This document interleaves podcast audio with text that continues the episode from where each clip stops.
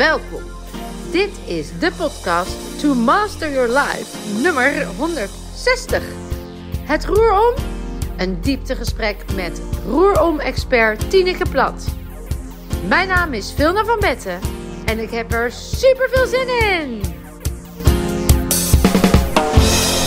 Ja, hallo dames en mensen. Ik zit hier vandaag met een prachtige vrouw die als het roerom, nou ja, de roerom-expert, het roerom-expert, ehm, als arts het roer zelf heeft omgegooid en nu als ondernemer andere artsen of mensen in de medische wereld uh, wil laten bewust worden van het feit dat er meer is dan dat ze tot nu toe hebben geleerd. En ze maakt daar hele mooie trajecten voor, break-free uh, break -free trajecten. En ze is hier, Tineke Plat. Welkom. Dankjewel. Ja, super fijn dat je er bent. En je bent hier niet voor niks, want je bent hier gekomen omdat je ooit een Body Mind Reset sessie hebt ondergaan. Ja. En daar was je zo van onder de indruk. In, in jouw hele traject wat je zelf hebt doorlopen en wat je nu uh, aanbiedt, wist je, ja, dit is een van de missing links waarvan jij wist, uh, daar mogen we de artsenwereld nog wel wat van leren. Ja. Want hoe was dat voor jou, die Body Mind Reset sessie? Je hebt dat gaan bij een van onze professionals. Ja, Anita, klopt. als ik het niet... Uh... Ja, bij Anita, klopt. Ja. Want je hebt daar ook een mooi verslag van gemaakt, een podcast, want dat doe je ook nog. Ja, en je hebt een podcastaflevering over opgenomen. Klopt, ja. Uh, hoe het was? Nou, het was um, een hele bijzondere ervaring. Ja, er is een heleboel gebeurd op dat moment en ook daarna. Um, en ik had al heel lang het gevoel dat ik het een keer wilde doen. Uh, omdat ik jou ontdekt had via uh, de podcast van Giel Belen. En uh, toen was ik al zo getriggerd door jouw verhaal dat ik dacht van... Um, ja, er komt een dag dat ik dit wil doen. maar ik voelde wel, ik ga gewoon afwachten wanneer dat moment komt. Het is nu nog niet, maar het komt op een dag. Nou, en dat was dus ergens ja, dit jaar, in het voorjaar ergens, dacht ik van nou, nu is het moment. Dus toen heb ik het ingepland bij Anita inderdaad. En ben ik bij Anita thuis geweest. Ja, en de sessie ondergaan. Dus uh, zo is het gelopen. Ja, en wat was het waardoor je voelde... hier moet ik een podcast over maken? Wat gebeurde er? Um, nou ja, ik werk... Hè, ik begeleid dus echt artsen die echt vastzitten... ja, in de medische tunnel noem ik het altijd... En overwegen om daaruit te stappen. Nou, dat is natuurlijk nogal wat in, in die wereld. Want dat doe je niet zomaar. Je bent specifiek opgeleid, et cetera. En wat ik doe met die artsen is echt ook kijken van enerzijds wat wil je nou wel, maar ook kijken van wat zijn je patronen en wat ligt er allemaal in je onderbewustzijn, waardoor jij steeds de keuzes maakt die eigenlijk niet goed zijn voor je. En in mijn eigen reis daarin heb ik daar heel veel over geleerd, heel veel patronen doorbroken, veel aan het affirmeren geweest, dat heel veel toegepast op mezelf. Maar op een gegeven moment merkte ik, en dat zag ik dus ook bij mijn klanten, dat, dat er soms gewoon dingen zo diep in je onderbewustzijn liggen, dat je er niet zelf bij kunt komen. Omdat je misschien ook niet precies weet wat het is. Dus ja, dan weet je ook niet hoe je het op moet lossen. Hmm. Um, ja, en dat, dat met dat verhaal van jou dus in mijn achterhoofd al die tijd bij Giel, dacht ik van, volgens mij is dat een middel om dat probleem op te lossen. Dus ja, en toen ben ik dus echt, uh, ik, altijd alles wat ik bij mijn klanten doe, wil ik eerst zelf testen. Ja. Uh, en ik had op dat moment ook echt een punt in mijn leven bereikt dat ik dacht, ja, nu heb ik dit heel erg nodig, dus ik ga dit nu gewoon aan. En dus het is, ja, dus het is enerzijds echt voor mezelf, voor mijn eigen proces, maar ook natuurlijk om te kijken, ga ik hier wat mee doen in mijn, uh, in, met mijn klanten. Ja, mooi. Ja. En uh, wat was het resultaat van dat proces? Van de sessie bedoel Ja. je? Um, nou, wat, wat ik er enerzijds uh, sowieso aan over heb gehouden, is dat voordat ik in de sessie ging, had ik eigenlijk last van, ja, ik noem het altijd maar even het ik stel niks voor syndroom. Oh ja. Dus mijn diepste beperkende overtuigingen zijn echt, jij stelt niks voor, wat kom je nou doen? Uh, hou je maar gedijst, niemand zit op jou te wachten. Nou, als je een eigen bedrijf gaat opzetten, is dat best wel lastig. Daar ben ik dus een heel eind in gekomen met affirmeren en steeds er weer doorheen gaan. Maar op een gegeven moment merkte ik gewoon dat ik aan een plafond zat. En dat ik niet groter durfde te gaan in mijn trajecten en me meer wil durfde uit te spreken, omdat die overtuigingen daar zaten. Nou, en het resultaat van de sessie is eigenlijk dat, ja, dat dat gevoel dat ik weer vervuld ben van binnen. Dus Wow. ik, ben, ik, ik was eigenlijk leeg, dus ik had steeds externe factoren nodig om mij opgevuld te voelen. Dus mensen, situaties, Bevestigingen. ja, noem het maar op. Mm. En door de sessie ehm, is mijn lichaam weer gevuld. Dus natuurlijk willen we altijd allemaal eh, dat, dat we goedkeuring krijgen. Of dat mensen ons aardig vinden. Of dat dingen goed gaan. Daar is, dat is ook helemaal prima. Ja.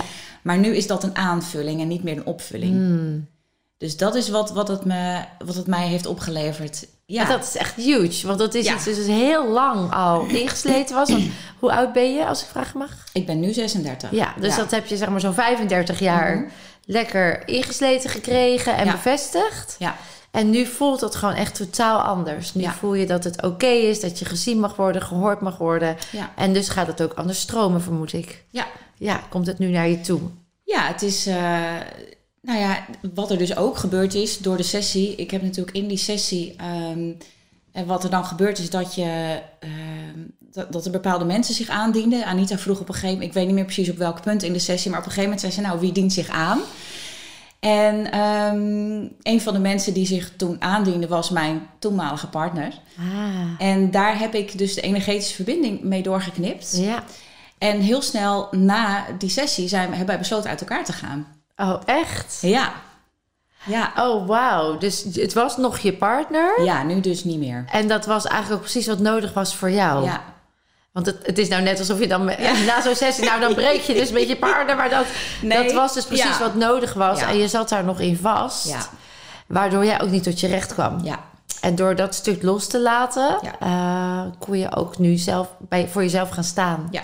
En voor jezelf kiezen, letterlijk. Ja, nou wat er eigenlijk ook letterlijk gebeurde, is dat op de dag dat ik die sessie deed, dat mijn ex ook opeens iets ervaarde in zichzelf. Ja, dat horen we vaak. Wij zijn twintig jaar samen geweest. Dus dat is natuurlijk zo'n symbiose. Op een gegeven Ja. moment ben je zo in elkaar verbonden. Ja, Eh, dus er veranderde van alles in ons allebei. ja, En ehm, wat er dus heel fijn nu is, is ja, hè, natuurlijk, mensen denken nu misschien, nou lekker dan, dan ga je uit elkaar Ja. zo'n sessie. Dat is ook niet de bedoeling. Maar eh, natuurlijk is het een lastige tijd. We hebben ook een dochter, hè, dus natuurlijk, het is, het is niet altijd Ja. allemaal leuk, maar het is uiteindelijk beter. Daar staan we allebei achter. En wat er dan dus zo fijn is, is dat je dus in deze periode dat, dat gevulde gevoel hebt van binnen. ja. Niet meer die Dat je in je leegte. kracht blijft, ondanks Ja. wat er ook gebeurt. Ja, klopt. Ik kan het aan, het is goed, ik zit op de goede weg. Die bevestiging heb je niet meer nodig. Nee, en ik heb altijd mezelf. nog. Juist. Dus ik heb je kan op jezelf vertrouwen. Ja, Dat is wel heel bijzonder hoor. heel bijzonder. Ja, het is wel mooi, want we hadden afgelopen weekend een retraite weekend.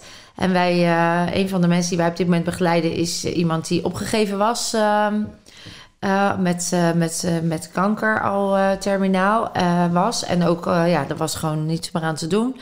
En die is nu door het traject, hè, door meten gegaan naar de weekend en ook een week. En nu doet ze zelfs de opleiding, super cool. Maar haar tumoren zijn gewoon al voor twee derde weg. En het laatste restje is erachteraan aan het gaan. Maar haar partner, die dus jarenlang ook ja, mee ziek was, zeg maar. En niet echt ziek, maar je bent ook gewoon de zorger, de redder word je van die Ja. Persoon. Die hadden wij dus ook al ontmoet. En toen hadden wij gezegd van... misschien is het goed dat jij ook een keer voor jezelf zo'n weekend pakt. Hè? Ja. Of, of een week. Dat Ja. je echt ook... Want inmiddels raakt dat zo verweven. Al die energie raakt Ja. zo... eh, en we doen dan een van die oefeningen is dat we ballast loslaten. Want het hele weekend is helend en alle oefeningen dragen bij. En onder andere de reset is een prachtig onderdeel daarvan. En eh, de ballast loslaten. En we krijgen echt serieus de volgende dag een mailtje van zijn partner, die wij dus ook eh, in traject eh, hebben. En die schrijft gewoon van moment. Zij wist natuurlijk niet welke tijdstip dat was en op welke dag. Ja. En eh, zij, zij krijgt enorme reactie op het moment dat hij die ballast Ja. loslaat. Ja. Wat super mooi is. Hè? Dat is juist de bedoeling. Want als ik iets heel, heel ik dat voor mijn generaties achter me en voor me. Maar ik knip ook lijntjes door met hoe het was. Ja. En dat is zo belangrijk. Bizar. Echt bizar, maar wat gaaf. Wat een, wat een waanzinnige transformatie in Ja. één sessie al. Hè? Ja, en wij hadden dat eerst ook niet in de gaten hoor. Dat, dat daar die koppeling was met die sessie natuurlijk. Maar later gingen we dat terug beredeneren. En toen kwam die. En toen vroeg hij eigenlijk van, op welke dag heb jij eigenlijk die sessie gedaan? Nou, dus we gingen dat terug. En toen zei hij, ja, dat is de dag waarop mijn ogen open gingen. En, en ik dacht, oh god, wat zijn we eigenlijk allemaal aan het doen? Oh, wauw. Ja, Nou, dit is echt te gek. ja, En eh, even terug naar jou, want eh Tineke, je bent opgeleid als arts. ja. Eh hebt ook pract bent ook praktiserend geweest ja als zeker. arts. Ja, tien jaar. Tien jaar lang. Ja. Ehm, wat maakte voor jou, wat was het moment dat jij voelde het roer moet om? Ehm, nou, dat was toen ik een functie had als leidinggevende op een huisartsenpost. Want ik, had, ik ben dus tien jaar uh, zoekende geweest eigenlijk naar mijn afstuderen. Van alles geprobeerd. Eerst natuurlijk gewoon als arts en geprobeerd te specialiseren. Nou, uiteindelijk lukte dat niet. Werd ik huisarts. Nou, dat was het ook allemaal niet. Toen heb ik een tijdje als doktersassistent gewerkt. Want ik dacht, nou, laat ik maar wat minder verantwoordelijkheid nemen. Misschien is dat het probleem waardoor ik me niet lekker voel in, dit, in deze wereld. Dat was het ook niet. Toen dacht ik, ik moet toch weer meer verantwoordelijkheid hebben. Dus ik ging werken als leidinggevende. Omdat ik had wel al besloten dat ik geen patiëntenzorg meer wilde doen. Omdat ik dat, ja, ik weet niet precies, dat, dat trok me gewoon niet. Het maakte me niet, niet blij. Dus, um, maar ik had wel heel erg de overtuiging, ik moet binnen de zorg blijven. Want ik heb dit diploma. Daarbuiten is niks voor mij te doen. Ik moet hier blijven. Dus dan, dan maar leidinggevende. Nou, dus zo ben ik dat gaan doen. Dat heb ik een half jaar gedaan en toen zat ik uh, ja, voor de derde keer in tien jaar tijd met het stempel thuis, je bent overspannen. Mm. En toen dacht ik, hier klopt iets niet. Nee. Ik ben niet overspannen, ik doe niet te veel, ik doe het verkeerde. Ah. En dat was gewoon, ja, een split second. Er viel een kwartje. Ik dacht, en nu is het klaar. Ik, ik wil dit niet meer. Ik ga, dit, dit was ook de laatste oplossing die ik nog ergens met mijn hoofd had beredeneerd dit is het ook niet. Dus het is gewoon klaar. En um, ja, ik voelde dat gewoon heel sterk van binnen. En ja, ik heb toen eigenlijk ja, mijn baan opgezegd. En dat is nogal een stap, want dat, maar dat heeft wel tien jaar geduurd. Zeg Ja. maar. Het lijkt nu een rigoureuze stap, maar eigenlijk zeg je, ik wist eigenlijk steeds beetje bij beetje meer en meer kwam het inzicht.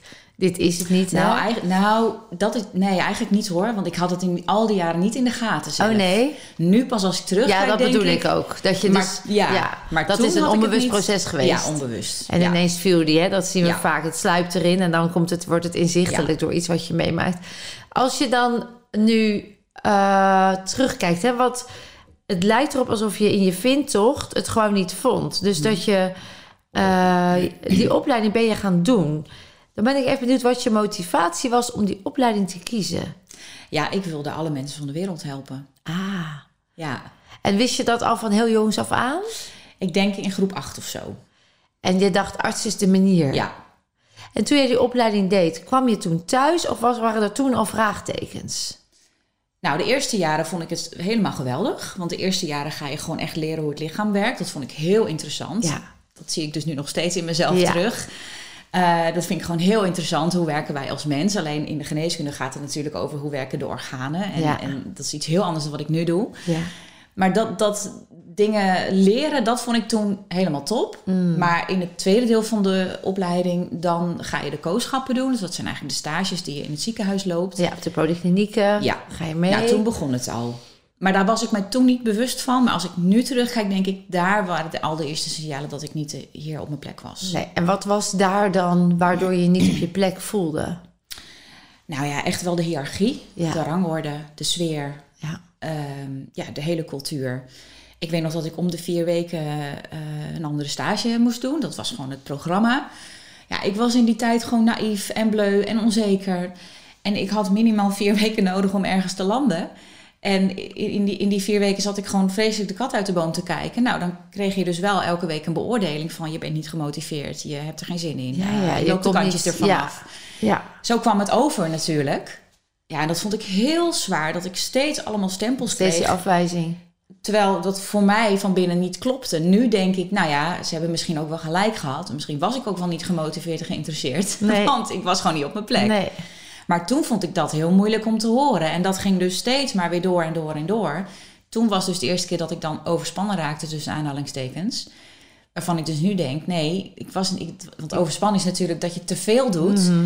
Maar dat was al de eerste keer dat ik niet te veel deed. Maar dat ik gewoon ergens in, moest, in een keurslijf moest wat niet paste bij mij. Ja, waar het universum al zei, ga even naar binnen, ga even op onderzoek uit. Ja. Want volgens mij heb je een andere richting.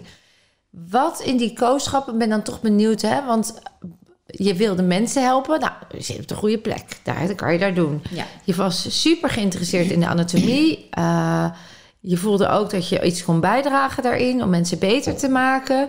Tot die kooschappen. Daar gaat het dan, daar komt, daar gebeurt iets. Het systeem, de hiërarchie hoor ik je zeggen. Nou, dat hoor ik van heel veel artsen in de opleiding. Dat dat echt nog een ouderwets Ja. systeem is met rangorde en Ja. pikorde. En eh, nou ja, eigenlijk vrouw onvriendelijk hoor, heb ik ook al langs horen komen. Da- dat is dan al iets waar je tegenaan loopt. Het systeem zelf, als je keek naar hoe er met patiënten werd omgegaan, was dat iets waar je toen bewust al naar keek op een manier waarvan je dacht: hmm, is dit het? Of was dat meer, het was zo en je werd zo opgeleid en opgevoed, dus dat nam je voor lief? Ja, dat laatste. Dat laatste. Dus toen was het vooral nog het systeem waar je in kwam, wat het meest jou niet tot je recht liet komen. Ja, dat klopt. En Zou het zo kunnen zijn dan, dan als het systeem wel eh, minder hiërarchisch Ja. was geweest, dat je daar wel op je plek meer was geweest, of had je dan ook het roer omgegooid? Ja, ik denk het wel. Dat, dat, er zijn wel veel artsen die dit wel hebben hoor, wat jij zegt. Ja. Dat, ik vraag dat ook heel vaak als Ja. ik een intake heb. Joh, als we nou een toverstaf hadden en het hele systeem is helemaal top, blijf je dan dit vak doen? Er zijn heel veel artsen die zeggen dan ja. Voor mij is het dan nog steeds een nee. Ja. Omdat het... ehm, ja, ik weet niet, mijn passie ligt er gewoon niet. Eigenlijk, ik heb altijd, ik denk altijd, hoe moet ik het onder woorden brengen? Maar het is gewoon niet, ik ga er niet van aan. Het, het, het maakt me niet blij. Het enige wat is ik het leuk te vond... beperkend? Is het te, eh, is het te breed? Is het te weinig zeggend? Wat, waar ga je niet op aan? Nou ja, het enige wat ik wel echt leuk vond was dan de spoedeisende hulp. Dat is natuurlijk het, het Ja, adrenaline, het instant, snelle. ja. En ja. Ja. ja. waar ga ik niet van aan? Ik weet het niet. Het, het, ja, het deed gewoon niks met me. Nee, het Nee. raakte gewoon niet. Nee. Nee. Dus jij ging het roer omgooien na tien jaar onderzoek met jezelf en uiteindelijk de, eh, de bevinding: joh, ik zit gewoon op de verkeerde plek. Ja. Mooi momentum. Ja, dan is dat nogal wat. Heb Ja. je je studie eraan gewijd, je hebt je leven erop ingericht. Ja.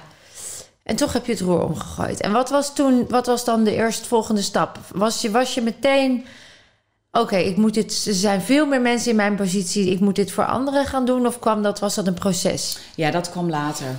Nee, het eerste wat ik gedaan heb is ontslag nemen. Eh, heel veel mensen zeiden, moet je dat nou wel doen? Want hoe ga je dan geld verdienen? Maar ik dacht, ja, dat zie ik dan wel weer. Ik moet, ik moet, dit moet nu eerst stoppen. Ja, ja, Er moet eerst een deur dicht. ja. Ehm, en toen heb ik gewoon een soort van, ja, nou, noem het een sabbatical. Eventjes niks. Een paar maanden. Ja, en in die tijd heb ik zoveel geleerd over hoe het eigenlijk werkt. dat we moeten stoppen met nadenken. ja. En dat we gewoon lekker moeten gaan voelen. En ja, dat, dat, sloeg bij mij, dat ging bij mij heel snel. Want ik was eigenlijk als kind al ehm, heel gevoelig voor dingen die we eigenlijk niet kunnen zien. Mm. Ehm, dus dat was alsof het heel snel terug was. Ik, ik wist heel snel hoe mijn intuïtie werkte. Ik wist heel snel hoe ik het met het universum contact moest maken. Het ging allemaal heel snel. Dus dat heb ik gewoon ja, opgepakt. En van daaruit is het zich eigenlijk gaan ontvouwen. Kwamen de antwoorden naar mij toe. En dacht ik elke keer, oh ja, dit, oh ja, dat, oh dit niet, oh dat wel. En zo ben ik, ja, al heel snel kwam dus door, ik, ik moet ondernemen. Ik wist toen nog niet waarin, dus iedereen zei weer, nou hallo, hoezo, wat ga je doen dan? Eh, dat is een beetje vaag. Ja, ik dacht, ja, dat is- mag je vinden. Maar ik voel gewoon dat ik voor mezelf wil beginnen. En waarin, dat wist ik in het begin helemaal niet. Nee. Nou ja, en zo ben ik gewoon stapjes gaan zetten. Ik heb een business coach gezocht en ik heb gezegd, nou ja, ik wil mensen helpen het roer omgooien. Dat kwam wel al heel snel erbij, dat ik dacht, dat moet het zijn. Toen kreeg ik het idee van retreats, dat kwam er ook bij. Ja, en toen gaandeweg, dan ga je het dus hebben over wie ga jij nu helpen dan? Want ja, eh, je moet wel een keuze maken. Mhm. En toen was natuurlijk wel heel snel een logische keuze om dat voor artsen te gaan doen. Maar ook een hele spannende, want ik had op dat punt eigenlijk het gevoel dat ik de enige op de aardbol was die dit Dat kan probleem ik me had. voorstellen. Want hier wordt niet over gesproken. nee. Dus het was heel spannend om mijn hele bedrijf, mijn hele website, alles te richten op artsen die misschien wel uit het vak willen stappen. Want ik had geen idee of ze zouden bestaan. Maar ja, daar kwam weer dat universum die mij dat steeds liet weten. En daardoor durfde ik het aan. En ehm, ja, ze bleken te bestaan. Ja, Heel veel. ja, Ja. ja. Het bleek eigenlijk een gat in de markt. Ja, ik weet dat toen eh, Maurice in het ziekenhuis lag, ehm, na zijn ongeluk, ik met de neurochirurg sprak, Ja. die echt geboeid had gekeken hoe Maurice het voor elkaar had gekregen om binnen tien dagen uit, uit het ziekenhuis te komen. Met zijn aandoeningen die hij eh, was gediagnosticeerd. En toen vroeg ze dus ook van, hè, wat doe je dan en hoe doe je dat dan? En ik vertelde haar dat. En toen zei ze ook van, ja, ik ben eigenlijk ontzettend onwetend. En toen zei ik, nou ja, jij bent hartstikke, hartstikke wetend op een gebied. Ja. En er is nog een ander gebied. Ja. En als we dat aanvullen, kan het ook lekker snel gaan. Hè? Ja. En dan zou je verwachten, hè, dat zeggen de mensen dan ook die dat horen, van ja, maar is, is er dan, is er dan, ben je niet daar lezingen gaan geven? Of ben je dan niet daar, hebben ze je niet gevraagd hoe dat dan werkte? En ehm, toen zei zij uiteindelijk, want ik zei tegen haar, nou, ik, heb een opleiding en hè, ik geef daar les over. En toen zei ze ook van ja, dat, dat is heel prachtig en machtig. Ik heb er de tijd niet voor. En we zitten hier in een systeem Ja, wat elkaar in stand houdt. klopt. Dus zij bevestigen ook het werkende principe. ja, En dat was voor mij een eye-opener dat ik ook dacht... ik ga me niet richten op de medische wereld. Ik ga het zelf neerzetten. ja, Dan komen ze wel naar mij ja, als ze er klaar voor zijn. ja, Want anders wordt het vechten aan een systeem, tegen een systeem wat zichzelf in stand houdt... Versus iets nieuws neerzetten wat zich ontluikt... waar een sneeuwbal op komt. ja, En, en de rest volgt erachteraan. ja. En dat is ook gebleken. Dat kostte mij ook veel minder energie. Ja, dat snap ik. Ja. Ja, want dat andere is, is, bijna niet te doen. Nee, het is trekken. En, dit is gewoon gaan. Hè? Dus dat... Ik herken wel wat je zegt. Dat dat, dat, ik geloof dat er heel veel artsen voelen... Er, er is meer dan wat wij doen. Ja. En tegelijkertijd door de hectiek van de dag... en het met elkaar in stand houdende systeem... Ja.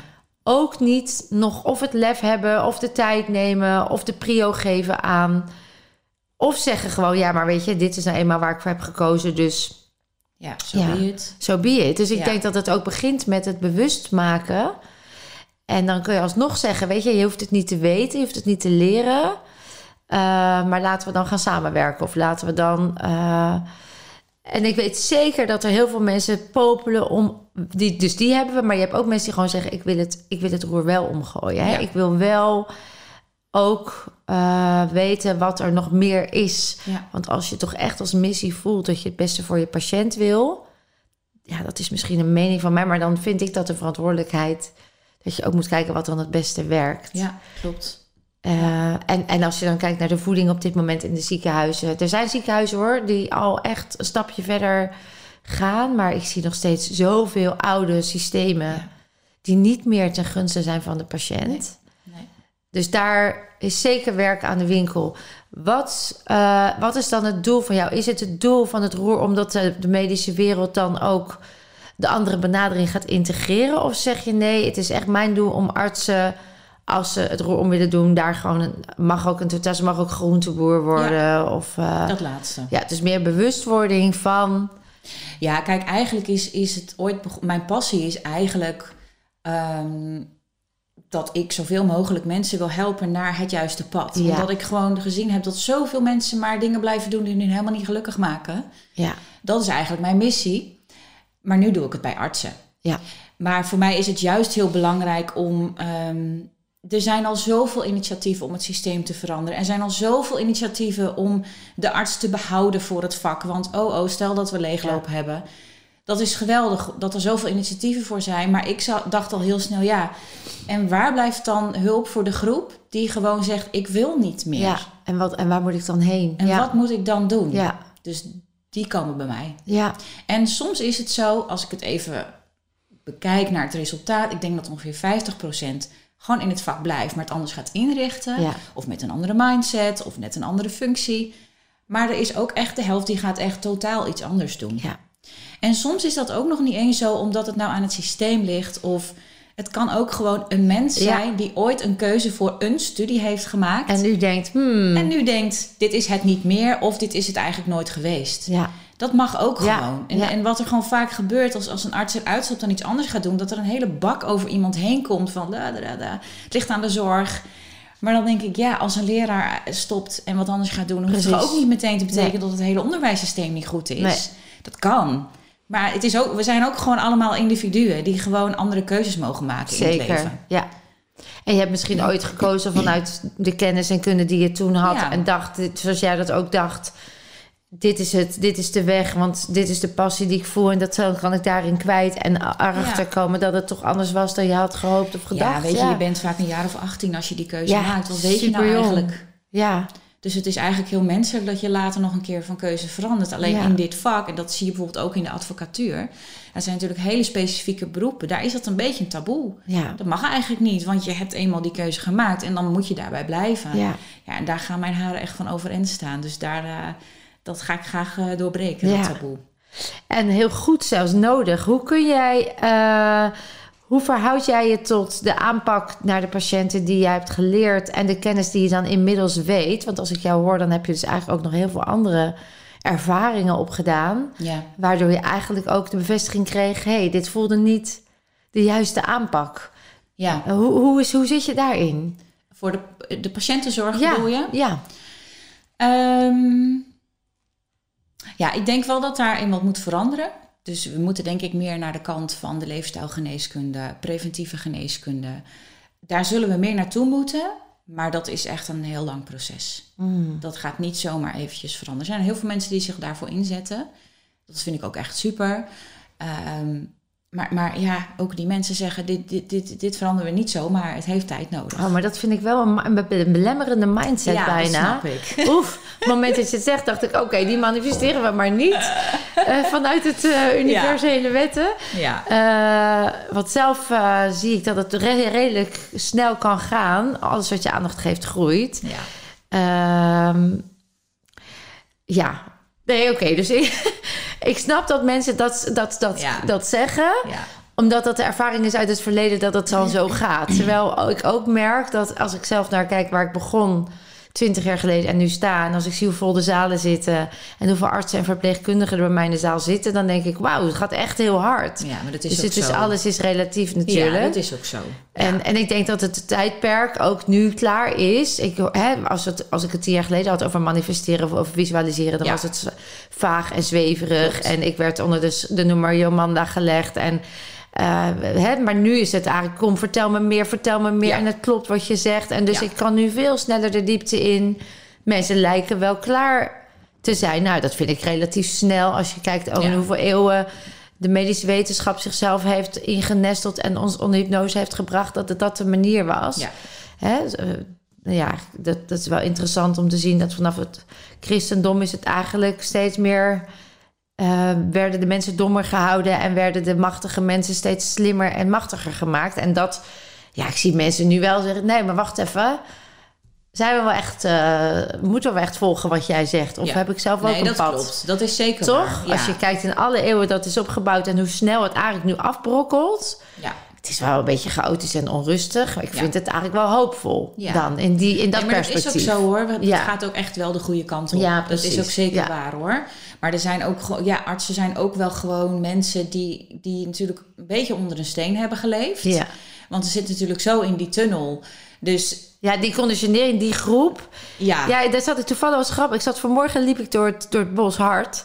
En ik ga dan de, bij Klingendaal ik, eh, ook wel eens lopen. Ik heb verschillende plekken. En in het Klingendaal, dat is, dat is een Ha- een Haags bos, eh, daar staat een boom. En die staat daar al zo lang als dat ik leef, is dat de kabouterboom. En wat gebeurt er dan? Kennelijk zijn er voorbijgangers en die plaatsen daar dan kaboutertjes in. En iedere keer staan er weer andere kaboutertjes. Dan gaan we kaboutertjes af en dan gaan we kaboutertjes bij. En toch, dus ook mijn kinderen weten niet beter dat die kabouterboom enzovoort. En vanmorgen liep ik daar langs en dacht ik, ja, dit is eigenlijk wel een interessant fenomeen. Ooit heeft iemand gewoon een idee bedacht. Ik ga een kaboutertje in die boom zetten. ja, Dat is opgepakt en inmiddels is dat de kabouterboom. ja. En legt iedereen dus nu standaard, zonder eigenlijk erbij na te denken, stoppen kaboutertjes in die boom. Nou, is dat, voor, is dat helemaal niet een, een destructief systeem, maar om, om aan te geven hoe dat dus dan Ja, zo gaat het. gaat. En Ja. dan generatie op generatie zijn we gewoon kaboutertjes in die boom aan het leggen, zonder Ja. na te denken. Hmm, vindt die boom dat leuk? Is het wel nodig? Ja. Is het inderdaad waar? Ja, Hè, dus het is, ja, een raar voorbeeld misschien, maar dat zijn van die dingen waarvan ik denk, ja, zo, zo slijten systemen jarenlang in. En is er dus ook voor mij geen discussie over de integriteit van de mensen die in zo'n systeem komen en dan daarin het beste doen wat ze zeker. kunnen. Absoluut. Daar geloof ik heilig Ja, van. zeker. Ja. Iedereen zet het beste kaboutertje neer. Ja. Maar is het nodig? Is Ja. het nog wat het, wat het waartoe leidt? Hè? Dat is meer de vraag die we vergeten te stellen dan. Ja, dat klopt. Ja. Dus hoe kijk jij naar, wat vind jij dat de aanpak zou moeten zijn naar patiënten toe? Ehm, nou ja, als ik bijvoorbeeld kijk naar de huisartsenpraktijk, hè, daar hebben, heeft een huisarts 10 minuten. Ja. Ehm, ja, dat is niet te doen. nee. Nee, want iemand die met rugpijn komt, hè, veel voorkomende klachten in de huisartsenpraktijk, zijn vaak niet op te lossen met een pilletje of een poeder. Dat Nee. weten we allemaal al lang. Er is Ja. geen medicijn voor, voor rugpijn of voor hoofdpijn of voor maagpijn. Nee. Tuurlijk is er een, een percentage die naar een specialist gaat, die krijgt een diagnose en die is behandeld en probleem opgelost. Maar de meeste mensen lopen met klachten rond die niet worden opgelost. Nee. Dus daar ligt een andere oorzaak onder. En Ja. dat heeft vaak te maken met dat je dingen doet die je niet gelukkig maken. Of Mm. bij iemand bent die jou niet gelukkig maakt. Of een baan hebt die jou niet gelukkig maakt. Of voeding tot je neemt die helemaal niet goed voor je is. Noem het allemaal maar op. Of een trauma wat je hebt opgelopen. Bijvoorbeeld. Ja. Nou, dat kan niet in Ja. 10 minuten. Dat gaat niet. Dus ja, Ja, wat er moet veranderen is tijd voor de mensen. tijd en samenwerkingen met Ook, want dit andere kan disciplines. Ja, want stel dat je zou zeggen, nou, we geven elke patiënt een uur. Dat kan ook niet. Nee. Dus daar moet gewoon op grote schaal veel meer bewustwording komen. Ja. Ehm, dat kan een, een huisarts niet in zijn eentje doen. Nee. Maar die zal wel in het verlengde daarvan moeten werken. Ja. Ja, Ja. Ja, het is een hoop werk aan de winkel, maar wel leuk. zeker. Ja, toch? Het Ja. is, ik vind het onwijs mooi om daar aan bij te dragen. Eh, en ik geniet ook van de weg naartoe. Hè? Ja. Dus alle hobbels of alle uitdagingen. Of, ehm, ja, ik heb er zo vertrouwen in dat we steeds meer bewust worden dat het meer is dan de anatomische benadering. Ja, zeker. En dat we daarin zelf heel veel kunnen. ja. Zodat we uit dat verdienmodel stappen. Zodat we weer kijken naar wat de mens nodig heeft. ja, Ja, it's getting there. It's Ja. getting there. Nou zit ik ook wel in die wereld dat ik, dat ik dat veel zie. Maar dat vind ik dan ook wel prettig. ja maar dat is mij ook, ook- belangrijk. toch? Ja, zeker. Dat geeft mij ook het gevoel van... Hey, yes, we're getting there. ja. Nou, ik heb een aantal... ehm, misschien, je kent mijn podcast, eh, keuzes eh, voor je. Dilemma's. Eh, je mag er altijd op terugkomen. Maar even in eerste instantie eh, gaan we gewoon eh, ja, kiezen. ja. Ehm, nou ja, allereerst gelukkig of gezond? Ja. ja, gelukkig. Oké. Doen of zijn? Oeh, doen. Zelfrealisatie of zelfliefde? Zelfliefde. Mooi. Ehm, geloven of zien? Geloven. Therapie of zelfredzaam? Oeh, therapie. Puur natuur of natuurlijk? Eh, wat is het verschil? Eh, Oeh, puur natuur. Ehm, meditatie of in de natuur zijn? In de natuur zijn. Regulier of complementair? Ja, complementair. Eh, volg je dromen of succes is een keuze? Oeh. Mm, Nee, volg je dromen. Links of rechts? Oh god. Eh, links. Maakbaarheid van het leven of het leven valt je toe? Leven valt je toe. Dan deze erachteraan. Het leven is een keuze of het leven kiest jou? Het leven kiest jou. Kansen pakken, kansen creëren.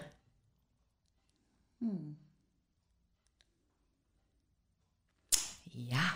Mm, mm, mm. Voor mij is het kansen pakken. Oké.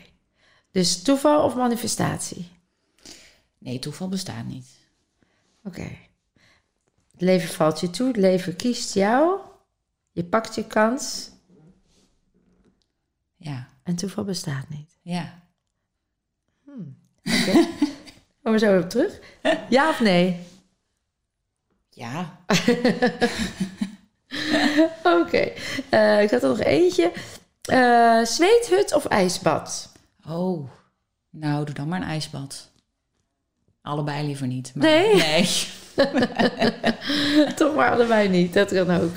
Ja, toch even interessant. Ja. Eh, je zegt het leven valt me toe. Ja. Het leven kiest mij. Ja. Ik pak kansen Ja. en toeval bestaat niet. Ja. Dus het leven valt je toe en toeval bestaat niet. Ja, dat kan, maar ik zit even, hoe, hoe zie jij dat?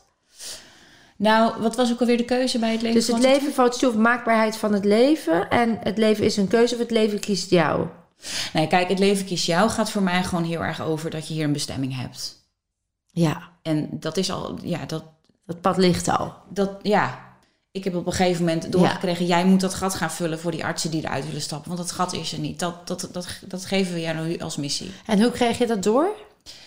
Ja, bij mij gaat het visueel meestal. Ja. Dus ik was op een gegeven moment met mijn website bezig en ik was tekst aan het maken. En opeens zag ik in alle zinnen zag ik het woord artsen staan. Ja. Ik dacht, oh, wat moet ik met die artsen? Ik wilde juist vanaf. maar ja, ik ben er toch maar naar gaan luisteren en Ja. gaan handelen. Maar ik doe ook wel meditaties, hoor, geleide meditaties, waarin ik echt bij mijn higher self kom en dan, dan zie ik ook dingen. Dan Ja. denk ik, oh ja, nu snap ik hem, dit Ja. moet ik gaan doen. Dan zie je beelden of Ja. dan zie je ineens visioenen. Ja. En dan weet je, dit is hem, dit is mijn pad. Ja, dat wordt eigenlijk gevolgd door een diep innerlijk weten. Dan is er ook geen twijfel meer. Dan Nee. weet ik, oh ja, dit is het en dan ga ik het doen. Oké. Dus en, en het leven valt je toe. Dan in dat pad komt het dus naar je toe. Dus Ja. het leven kiest jou Ja, en dan valt het je toe. ja. Maar dat heeft ook wel te maken, kijk, ik ben Human Design Generator, dus ik, ik, dat, dat ervaar ik ook echt zo. Mm. Ik moet echt wachten en dan komen de dingen naar mij en dan moet ik keuzes Mm. maken. Dus daarom ook kansen pakken. Dat, ik heb een sacrale authority, dus Ja. Ik moet wachten, externe dingen. Hè, we Ja. hadden net voor deze podcast even een gesprekje. Ja. Dat gaat bij mij meteen maar raar. Dan denk ik, oh, er gebeurt iets in mijn externe wereld. Wat voel ik hierbij? ja. Dat is echt mijn manier. Dus. En dan, als ik, als ik hem dan voel, als het een ja is, dan is het kansen pakken. Ja.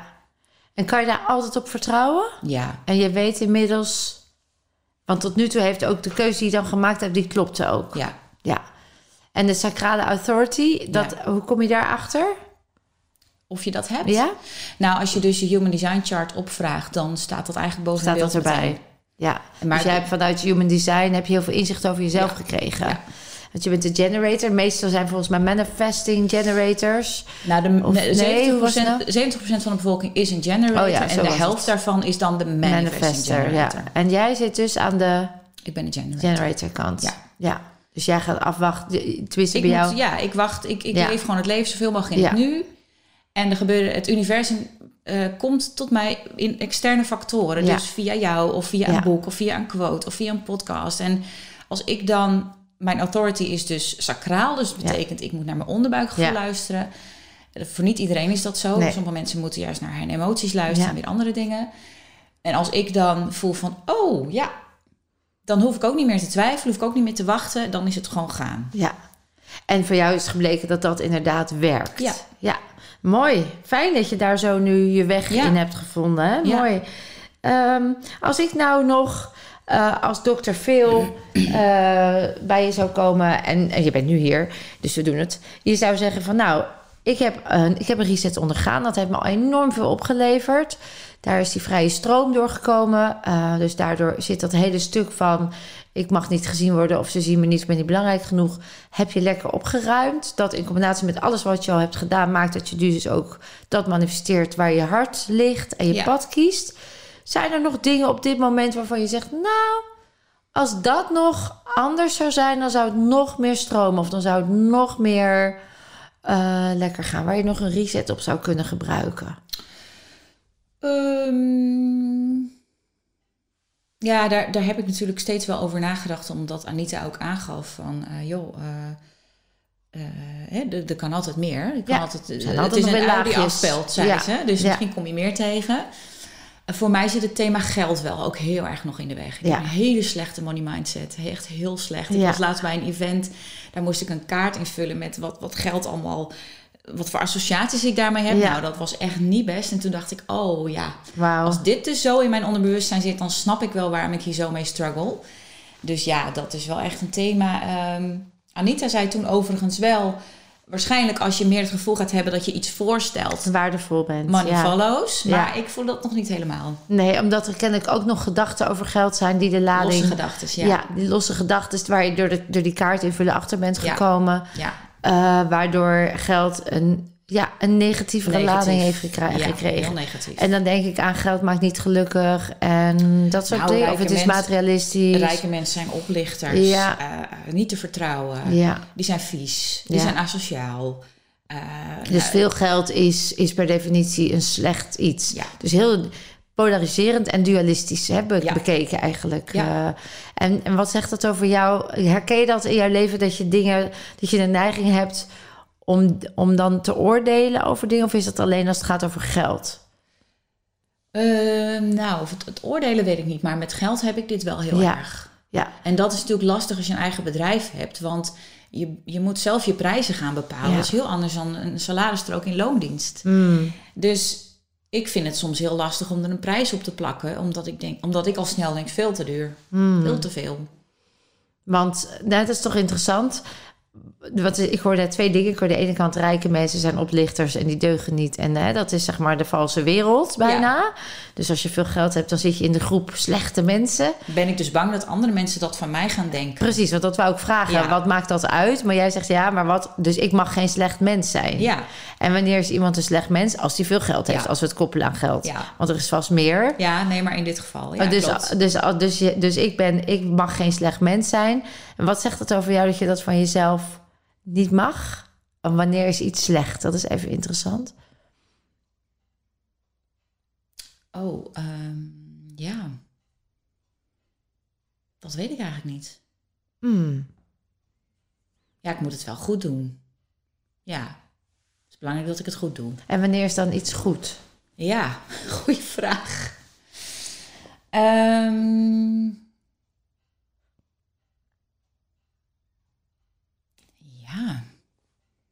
als je je best doet misschien?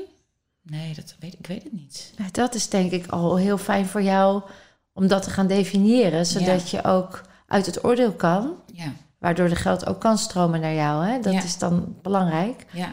Dus eh, wat als ik vraag, wat, wanneer is het dan slecht? Hè? Wanneer, wat doen rijke mensen dan wat zo slecht is? Ehm, nou ja. Ja, dat doen ze natuurlijk niet. Want ik was dus op dat event met heel veel rijke mensen. Er waren allemaal hele aardige mensen. Mm. Eh, dus daar werd het al een beetje voor mij dat ik dacht, ja, het is gewoon allemaal bullshit, dat verhaal in mijn hoofd. Maar ja, wat doen, wat doen rijke mensen wat slecht is? Nou ja, geld aftroggelen van anderen. Mm. Ja, Ten gunste van zichzelf. ja. En die rijke mensen die je ontmoet hebt, hoe rijk waren die dan? Nou, ja, Wat in, wanneer is iets rijk? ja. Ja, ik vind het wel een interessante eh, materie dit. Nou, daar liepen mensen rond die bijvoorbeeld eh 5 miljoen omzetten in een jaar. Ja, Maar ook wel mensen die een ton omzetten in een jaar. ja. Dus dat, dat beetje daartussen. Dat is wel een groot verschil Ja, tussen een ton... Maar een ton is rijk. maar voor mij is vanaf een ton, begint het. Is het begint rijk? de ellende, ja. Vanaf een, vanaf een ton begint de ellende. Nou, je hebt een lekkere, gezellige mindset over.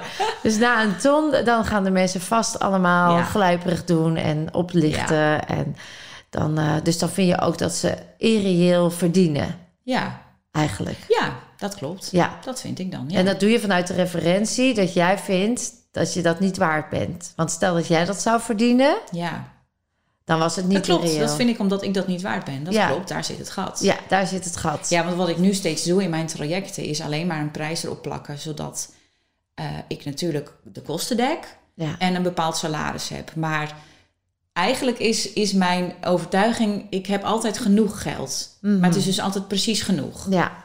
Dus overvloed, daar kan ik niet komen. Dat, dat, dat lukt Nee, niet. dat nog niet. Dat, dan denk ik, ja, Ja. nee, daar zitten dus al die overtuigingen op. Want daar, daar mag je niet komen, want dan zit je in de groep slechte mensen. Ja, want wat moet je nou met zoveel geld? Ja. Dat, is, best- dat is echt asociaal. Ja.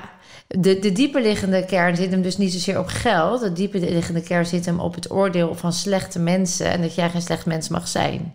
Ja. Dus op het moment dat je in aanvaarding komt dat als jij voor jezelf kan eh, in de spiegel kan kijken en weet dat wat je doet goed doet. Dus als je uit die dualiteit gaat en gewoon op jezelf vertrouwt dat de keuzes die je maakt waardevol zijn en dus waarde mogen krijgen, Mhm. dan maakt het niet uit hoeveel geld daaraan hangt. Begrijp je? Mhm. Dus het, de, het geld is een metafoor Ja. die eigenlijk eh, nu een la- een negatieve lading krijgt, omdat daar nu, daar is het aan gekoppeld. Ja. Dat daar, daar zit jouw, jouw meetinstrument. ja, dat klopt. Dus als het geld niet het meetinstrument zou zijn, maar het middel, wat gewoon nodig is om eh, voor jezelf te zorgen, om je huis te onderhouden, om voor je kinderen leuke dingen te doen, maar ook eh, Ja. voor jezelf eh, de wereld te mogen ontdekken, omdat je het leuk vindt om te reizen of wat dan ook. Er is natuurlijk voor iedereen genoeg. Klopt. Er is echt meer, Ja. meer, meer dan genoeg. Het zijn, het zijn onze beperkingen die in stand houden dat het maar naar een bepaalde groep gaat. Want die zitten niet in die belemmeringen. En daardoor krijgen we ook die polariserende Ja. groepen van rijke mensen en arme mensen. Hè? Het, zijn de, het zijn de mindsets Ja. en de overtuigingen die zorgen dat we zo'n dat we zo'n Dat groep een krijgen. tweedeling is. Ja, en ook weer een groep die daar dus niet mee om kan gaan. Ja. En dat is weer een proces waar wij ook weer wat mee kunnen als wij zorgen dat we er wel mee om kunnen gaan. En als we daar het rolmodel in zijn, dan wordt geld gewoon een prachtige energie. Ja. En hoe meer daarvan komen, hoe meer we ook kunnen stromen met elkaar. Ja. Dus ik geloof dat het veel meer zit in, ehm, in jouw stukje van ehm, het, de, de, de, de, de veroordeling. Ja. En daarmee de veroordeling op jezelf. Ik mag niet slecht zijn Ja. Dan dat het zit in het geld. Ja. Want dat, dat, dat, dat is wat Anita ook zei, komt dat er echt wel achteraan. Ja. Dus ik denk dat dat leuk is als we een reset zouden doen. Hè, dan zouden we daar Ja. op inzoomen als kern. En dan zouden we ook even testen of daar nog, nog een laagje dieper in zit. Ja. Ehm, want ja, dat is wel een interessant gegeven. Ik ben wel getriggerd hoor. Ja. Ik vind hem leuk. Ja. Ehm, heb jij nog iets waarvan je zegt, nou, kijkers en luisteraars, nu ik hier toch zit, ik heb iets meegemaakt in mijn leven wat zo prachtig was, of wat zo mijn leven life-changing heeft gemaakt. Een quote, een ervaring, iets wat jij als les hebt meegekregen, waarvan je zegt, nou, dit is zo'n les van goud, dit is zo prachtig, die wil ik nog even meegeven in de rubriek veelzeggend. Dan mag je, wat mij betreft, die camera pakken. Moet ik even over nadenken. hoor. Ja, dat mag. En dan, eh, en dan mag je iets meegeven. Een cadeautje om uit te pakken. Ehm, Nou, die camera, hè? Ja. Nou, wat ik. ehm, ik ben natuurlijk. Ik zit nu natuurlijk midden in een scheiding. En wat ik dan merk is dat heel veel mensen op je afkomen en zeggen: Oh, wat erg voor je. En wat zou je een zware tijd krijgen? En wat erg voor je kind, want die moet nu opgroeien met gescheiden ouders. En daarin triggerde mij al heel snel iets dat ik dacht: van ja, dat kan allemaal wel zo wezen. Maar kan het niet, zou het niet ook gewoon een mooie ervaring kunnen zijn? Zou het ook niet gewoon dienend kunnen zijn dat ik dit nu meemaak? En voor mij helpt de quote Life happens for you, not to you heel erg. Die is van Eckhart Tolle. Het leven gebeurt in je voordeel. Het, je wordt, er wordt je niks aangedaan. Je bent geen slachtoffer. In alle shit die je tegenkomt, daar liggen de pareltjes in verstopt. Dus voor mij, sommige mensen vinden het heel irritant als ik dit zeg. Maar voor mij is deze scheiding een cadeau met weliswaar een heel lastig inpakpapier eromheen.